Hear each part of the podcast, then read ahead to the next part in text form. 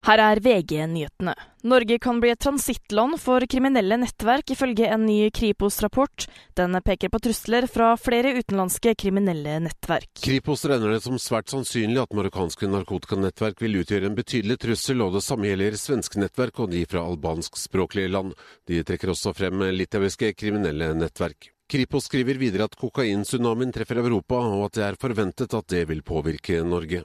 Reporter Frode Sti. Antall personer som venter på å få sone ubetinget fengselsstraff i Norge, har økt med nesten 81% det siste året, viser kriminalomsorgens nøkkeltall. 237 venter nå på å få sone. Viaplay vil lansere et strømmeabonnement med reklame, og samtidig gjøre det vanskeligere å dele abonnement med andre, det skriver Kampanje. Selskapet mistet nesten 40 000 abonnenter i Norden i fjerde kvartal.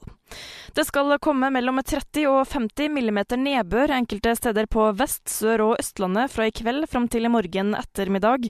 Meteorologene anbefaler å se til at stikkrenner og sluk ikke er tettet av snø og is. I studio Miriam Alsvik, nyhetene får du alltid på VG.